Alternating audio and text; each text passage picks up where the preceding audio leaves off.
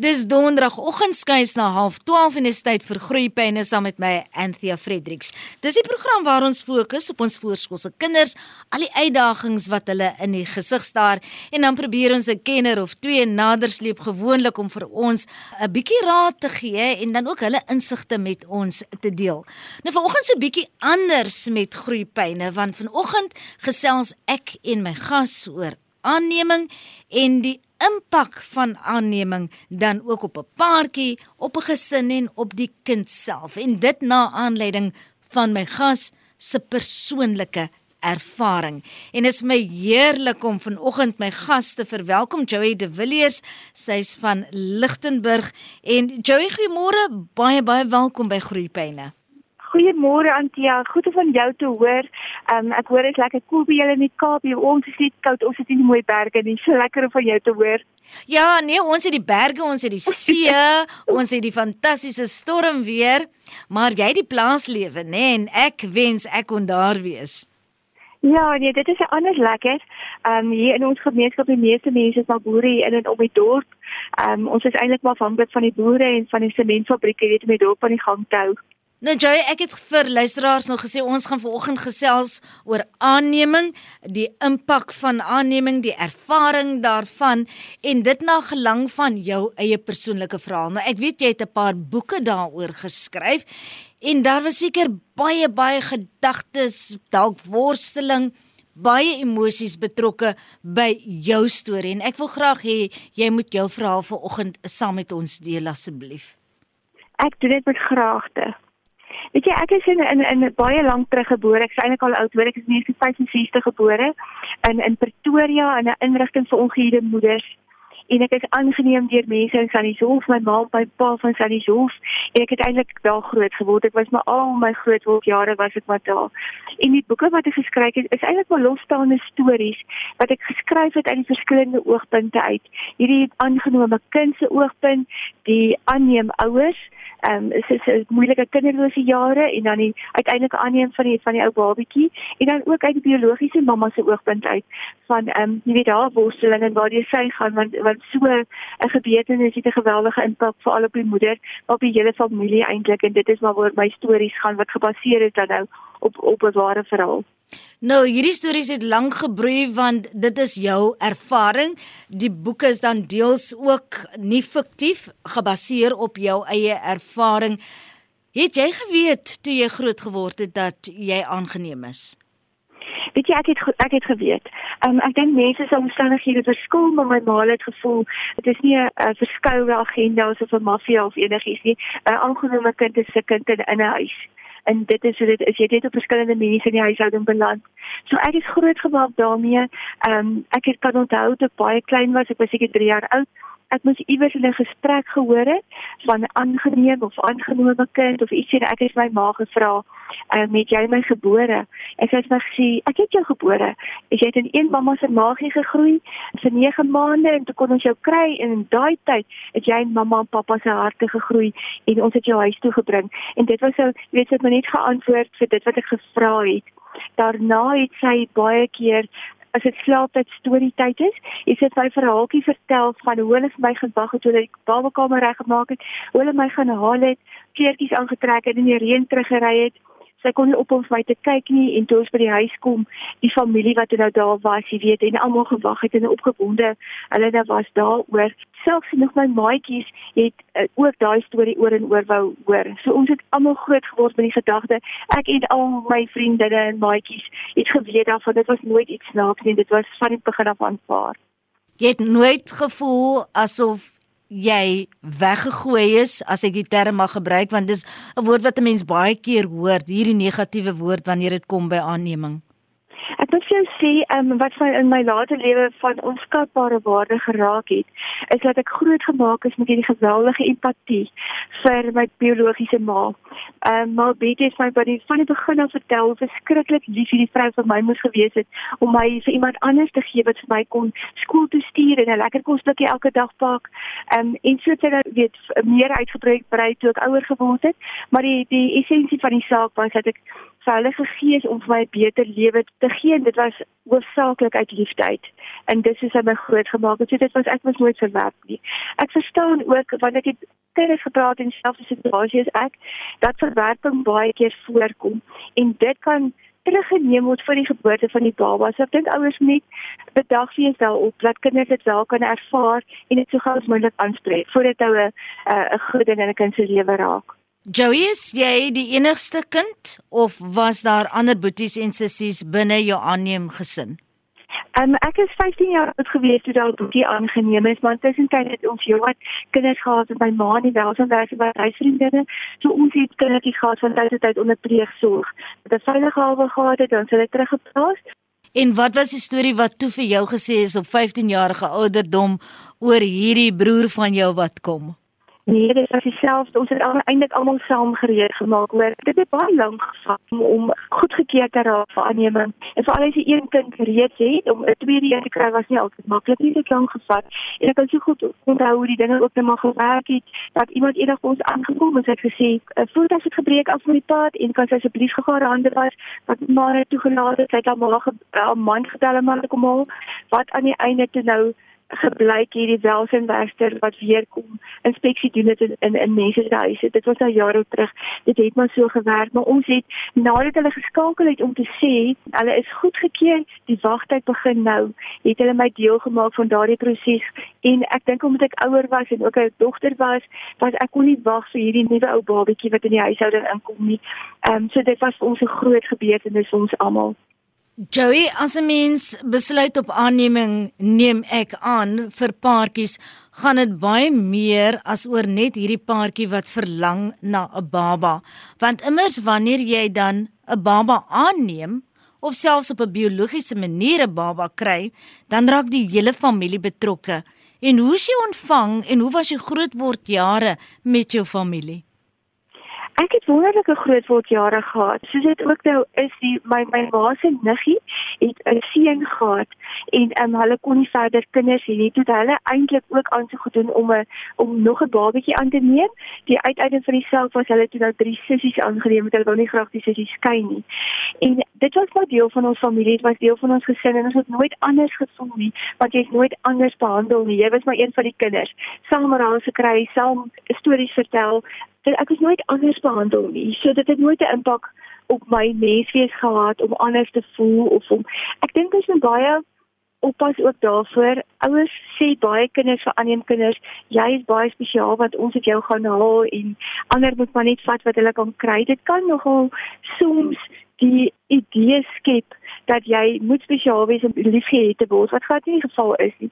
So ek het ooit die vader soos die ander behandel, saam groot geword ek dink nie daar's ooit regtig etiket om 'n ou se nek gehang van jy's 'n aangenome kind nie, jy's 'n kind. Jy weet jy's 'n kind in die huis. Maak nie saak hoe jy in die huishouding beland het, jy's nie 'n kind in die huis. Die aangenome is maar net 'n dis maar net hoe jy daar beland het.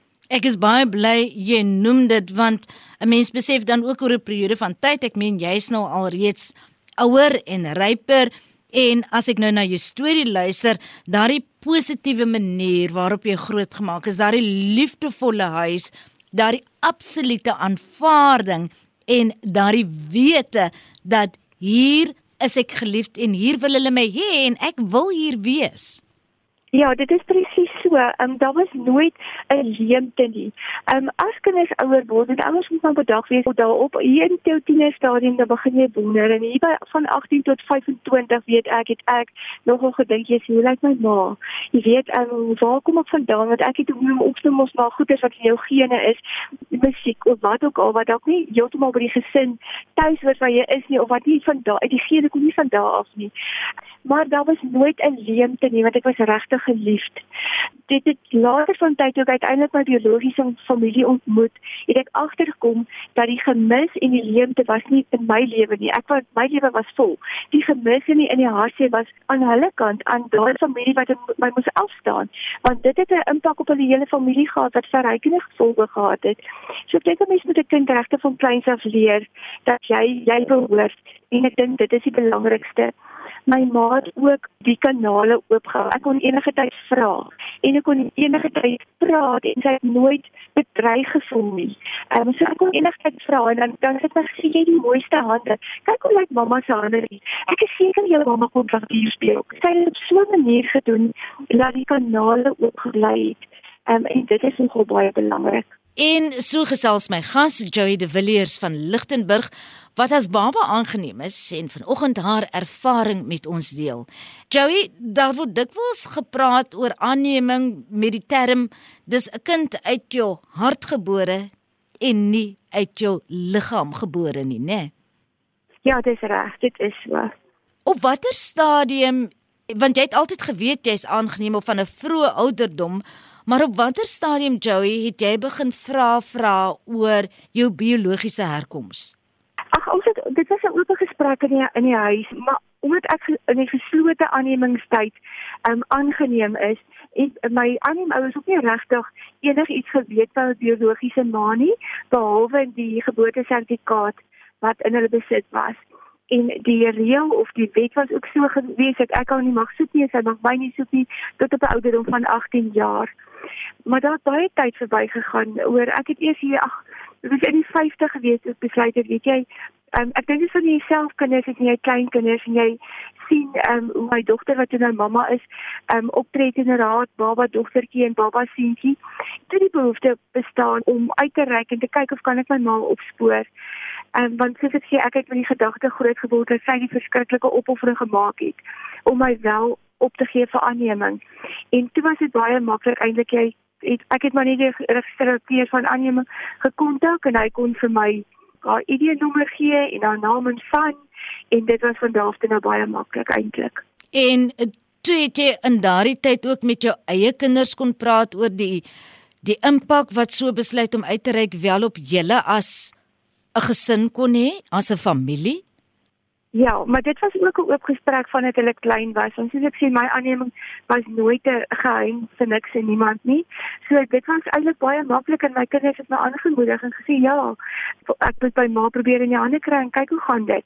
Jy weet die ding is jy mense moet ook besef as jy die deur oopgemaak het, kan jy nie net weer toemaak nie. As jy iemand in jou lewe ingenooi het, kan jy nie net die deur weer toemaak nie. So dit is seker 'n kans wat weerskante toe gevat word. In my geval het baie goed afgeloop. Vertel ons van daardie pad wat jy geloop het toe jy eintlik besluit het om uit te reik en met jou biologiese ma kontak te maak. Ek meen, wat was die terugvoer? Ehm um, ek het nou al kontaknommer kon kry by binnelandse sake en ek het al geskakel en sy het aan die ander kant geantwoord en ek vra vra ken mevrou? En ek het net my biologiese naam gesê soos wat op my geboortesertifikaat staan. Het sy onmiddellik in trane uitgebars en die telefoon neergesit. En um, daar so 20 minute sy my teruggeskakel en gesê sy wag nou. 54 jaar vir hierdie oproep en van daar af het ek ehm um, haar ontmoet en ek het haar familie wat nog gelewe het ontmoet en ek het my halfboetie en sussie ontmoet en dit was so 'n positiewe pad dat ek ek is net dankbaar. Joey, jy enigsins, ek weet jy het groot geword met die idee dat jou biologiese ma het jou opgegee uit liefde aan 'n gesin wat in al jou behoeftes kon voorsien wat sy as ongehuwde ja. moeder nie kon doen nie. Maar oor die jare was daar enige verwyte wat in jou hart opgebou het teenoor hierdie biologiese ma van jou en dat goed wat jy moes uitklaar op 'n emosionele vlak met haar. Nee, regtig nie. Ek moet dood eerlik sê, dit het nooit deel geword van my persoonlikheid nie. Soos ek sê, ek het regtig groot geword met hierdie idee van empatie en ek moet omgee vir haar en ek moet ons het baie van gebid toe kleiner was. Ek het my my Anje mamma nou gehelp om vir haar te bid. En so ek nee, dit was nooit deel van my lewe nie. Joey, jou aanneem ouers, jou familie met wie jy groot geword het, wat jou met soveel liefde omring het en dat jy so wonderlike normale kinderjare kon hê waarvoor jy so dankbaar is en ek hoor dit in jou stem was daar enige vrees by hulle toe jy sê maar ek gaan nou my biologiese ma opsoek Nee, daar was glad nie. My ma het aangemoedig. Ehm um, soos ek gesê het, ek dink ek het dit al gesê, mense is tog nie bang as jou kind die dag trou vir die skoonouers nie, want uh, hulle het tog nooit dieselfde band met jou kind as wat jy met daai kind het nie. So nee, daar was nooit te vrees. Miskien diep in haar hart, maar ehm um, sy kon nie wag om hierdie vrou te ontmoet wat vir haar hierdie verskriklike geskenk gegee het en baie versa ook my biologiese mamma kon nie wag om my my ander mamma te ontmoet om net vir haar te sê verskriklik dankie vir die grootmaak van hierdie kind nie. So dit was my regtig 'n wonderlike ervaring. Het die twee mekaar kon ontmoet want ek weet jou ander mamma is ook intussen oorlede. Hulle het mekaar by fisies ontmoet nie, maar hulle het wel telefonies met my ma gepraat, op met mekaar gepraat, want my biologiese ma is in COVID tyd oorlede. So ons kon nie daar uitkom nie en so hulle kon nooit met mekaar aangesig tot aangesig sien nie. nie. So jy het beide jou mammas na die dood afgestaan. Ek het, ek het ongelukkig ja. Is daar daardie tipe van verlies wat 'n mens ervaar met die verlies aan 'n ouer? Het jy dit verskillend ervaar met beide jou biologiese ma en dan ook jou ander mamma? Ek het dit verskillend ervaar. Die mamma wat my groot gemaak het, mense het mos 'n geskiedenis saam met haar. Ek het haar gemis die elke dag by mekaar wees in die groot word jaar in die groot word tyd en ag gesprekke elke dag. Um, ek het dit baie gemis. My biologiese mamma het ek ook gemis want sy het met ten minste een keer 'n week het sy my geskakel. En ons kon baie deel, ons kon regtig uit die hart uit deel. Daar is tog maar bloed is dikker as water, so ons het uh, 'n uh, koneksie gehad onmiddellik met mekaar. En dis is 'n baie goeie vriendin wat 'n mens aan die dood afstaan. Meer as as as 'n mamma. My ander mamma was my mamma en ek mis haar in daai opsig. En my biologiese mamma is is 'n baie baie eintlik my beste vriendin wat ek aan die dood moes afstaan. So ja, dit verskil. Jy praat nou oor bloed wat dikker is as water. Jy het vroeër gepraat oor jy weet die fisiese karaktertrekke wat wat jy gehad het soos dat jou ander mamma vir jou kon sê dat o, jy het sulke mooi hande en dit kom beslis nie van my af nie. So dit moes van jou biologiese mamma gewees het. Jy weet, toe jy haar nou sien, kon jy daardie ooreenkomste sien? Kon jy sê ja, ek lyk soos jy of ja, ek het 'n trek na jou. Ja, ons lyk absoluut na mekaar, want die oomblik toe ek haar sien, toe sien ek my oudste dogter. Dit is regtig 'n druppel water. Ek het byvoorbeeld donker hare en bruin oë en my meisiekind het blonde hare en blou oë en my ma ook. So dit is definitief van daardie af dan nou. En um, dit het regtig my gevoel ek ek sien twee mense maar dieselfde patroon. En dan sou die ander dinge ook. Ek skilder en ek skryf en so in my biologiese ma ook. En dit is ook wat sy gedoen het. Sy was ook baie kreatief en ehm um, ja, dit het kom tog daai karaktereienskappe kom tog teer. Joey Op 'n stadium met jou grootword jare verby en jy ontmoet die man met wie jy uiteindelik getrou het, was daar op 'n stadium wat jy gedink het ons gaan trou en ons gaan kinders hê en ek weet nie mooi wat in my DNS is nie en watter bloed deur my are vloei wat ek aan my kinders gaan oordra nie. Was daar daardie tipe van vrae ook in jou gemoed? Daar was 'n tipe vrae, maar ek dink mense kry dit baie vinnig verwerk as jy daaraan dink dat daar geen waarborge is nie.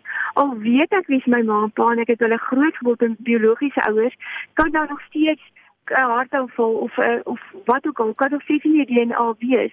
Daar is eintlik nie waarborge nie. So mens vat wat die Here vir jou gee en wat die lewe in jou toedeel en jy deel daarmee. Ons maak kinders groot, daar's rene gesin en elkeen het verskillende karaktertrek al is dit dieselfde pa en ma. So ehm um, ek dink as jy dit so sien dan is dit nie vir jou struikelblok nie. Ek dink as 'n mens nou luister na die geselsie wat ek en jy het, het jou aanneming plaasgevind in 'n bepaalde era en daar was nog 'n sluier amper getrek oor aanneming en ongehuide moederskap en jy weet plekke waar ongehuide moeders hulle babas gehad het wat uiteindelik van hulle weggeneem is of vir wie hulle opgegee het vir aanneming. Deesdae is aanneming 'n oop gesprek kan 'n mens maar sê en dit word ook anders deur die samelewing aanvaar. Dit word definitief anders ervaar ja, ek dink daar's baie voordele daarin om dit anders te doen. Maar die ding is ek, ek dink babas om aangeneem te word is baie skaarser ook want ongehuurde moederskap ja, soos wat jy praat sê, dit is nie so erg soos wat dit in 65 was nie. So ja, baie dinge baie verander. So dit dit maak ook dat daar minder babas beskikbaar is vir aanneming vandag. En tog is daar 'n groot behoefte by kinderlose egpare vir 'n baba van hulle eie en dan begin die gesprek sentreer rondom moet ons maar nie aanneming oorweeg nie. Behalwe al die tegniese aspekte Joey, behalwe al die dokumente en die pad wat moet geloop word op 'n formele vlak. Wat is van die goed wat jy sou sê potensiële aanneemouers in gedagte moet hou voordat hulle hierdie pad begin stap? Ek dink jy moet seker maak dat jy kan sien daarvoor om hierdie kind werklik in jou hart en jou in jou lewe in te neem as 'n eie kind.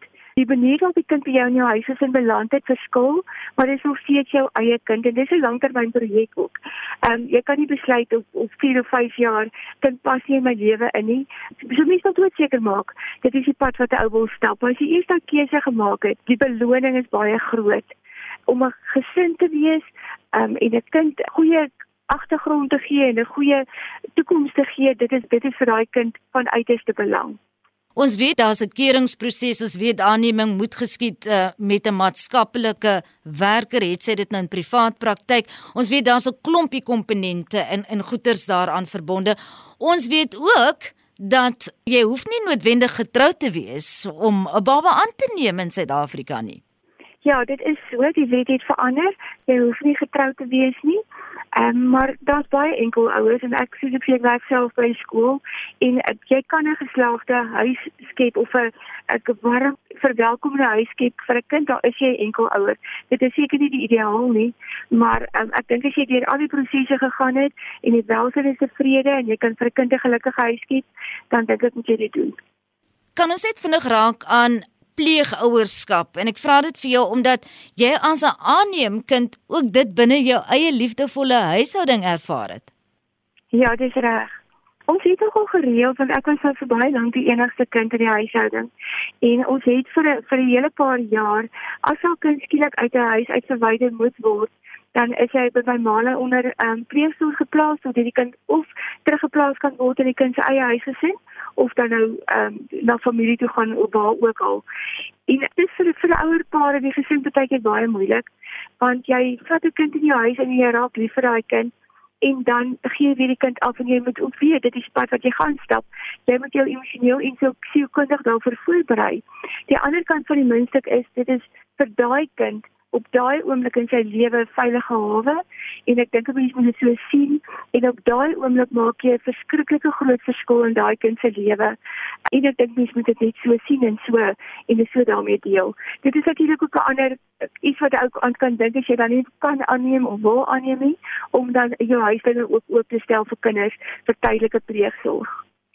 Joey de Villiers, as jy terugkyk op jou lewenspad tot dusver, diep in jou 50s, liefdevol groot geword. Die woord aanneming was jy mee bekend en jy het hierdie hele pad gestap en uiteindelik soos die Engelse sou sê, full circle gekom, né? Nee? Dis reg, ja. As jy terugdink oor hierdie hele ervaring tot dusver, wat kom in jou gedagtes op? Ek is net so dankbaar. Ek is net so dankbaar. Weet jy, ek voel om te kan sê ek is ek is dubbel geseënd en dubbel gelukkig. Want aan die kant toe ek 'n lewe wat in 'n baie moeilike omstandighede begin het, is op hierdie stadium vir my tot groot seën en ek dink tog weerskante is almal gesond geword, my biologiese familie het gesond geword en in daai oomblik toe hulle my ontmoet het en my ander gesin het gesond geword van kinderloosheid wat nie uit eie keuse was, die kinderloosheid uit eie keuse soos jy gesê het ook is iets anders, maar hulle het gesond geword en hulle het 'n gesin geword. So en die ander ding wat vir my baie belangrik is, want ek waarna ek baie dink is dat daar nie een kind gebore word sonder dat daar 'n doel met daardie kind is nie. Geen kind is per albuis nie, want maak nie saak hoe jy in die lewe ingekom het nie. Die Here het 'n doel met elke kind se lewe en ons moet dit om, omarm. En jy moet nooit aan twyfel dat jy gebore is met 'n spesiale doel nie. Daar's nie iets as jy per ongeluk kind nie. Elke kind is hier op hierdie aarde vir 'n doel. En dit is net ons werk om ons doel op aarde vas te stel en en daarmee aan te gaan en 'n vol lewe te lei. Jy weet, ek het vertel van die slaaptyd stories wat my ma altyd vir vertel het van die kamer wat hulle vir my reggemaak het. My ouma het gehekel en gebrei. Hoe hulle gery het om my te gaan haal, dit het gereën die dag. Ek het 'n klaar naam gehad. En toe die familie vir my gewag het by die huis, hulle foto's geneem het en daai foto's van van ons hele lewensloop as gesin is uitgestel in my ma se huis gewees tot die dag wat haar dood. So jy was nie 'n aangenome kind wat in by 'n gesin ingeskakel het nie. Dit jy was deel van hierdie gesin se storie ek ek ek dink dit is baie belangrik dat hierdie kind nie nooit identiteit op sy eie is. Jy is deel van daardie gesin. Toe broei al hierdie stories in jou kop oor die pad wat jy gestap het. En uiteindelik het jy hierdie stories in boekvorm vasgelê. Hoe dit gebeur? Ag ek ek het gedeel geword van 'n groep uh, van 'n uitgewers groep en ons het maar gevra om om 'n uh, storie te skryf om deel te word van 'n bundel en soos my eerste storie daan opgeneem en toe het ek net gevoel om hierdie storie van die verskillende karakters af te skryf van die ander mamma, die biologiese mamma, die um, aangenome kind en so die volgende kom dan die volgende boek gaan die volgende twee stories nou te voorskyn kom of uh, gepubliseer word en dan kyk ons wat gebeur van daar af. Ek wil vir jou verskriklik dankie sê vir ons gesprek vanoggend hier op Groepyne waar ons 'n bietjie afgewyk het van die normaal of die gewone gesprekke rondom ons voorskoolse kinders want hierdie was vir my belangrik omdat ons diep in jou hart saam met jou kon kruip oor 'n baie kosbare onderwerp rondom aanneming en dat jy bereid was om jou storie vanoggend met ons te deel. En baie dankie daarvoor baie dankie vir die voorreg om met jou te gesels En so gesels my gas Joey De Villiers van Lichtenburg vanoggend wat haar persoonlike verhaal rondom aanneming met ons kon deel. En dit bring ons aan die einde van vandag se uitsending van Groeipyne saam met my Anthea Fredericks. Volgende donderdagoggend om 12:30 dan het ons weer 'n afspraak. Tot dan, mooi bly.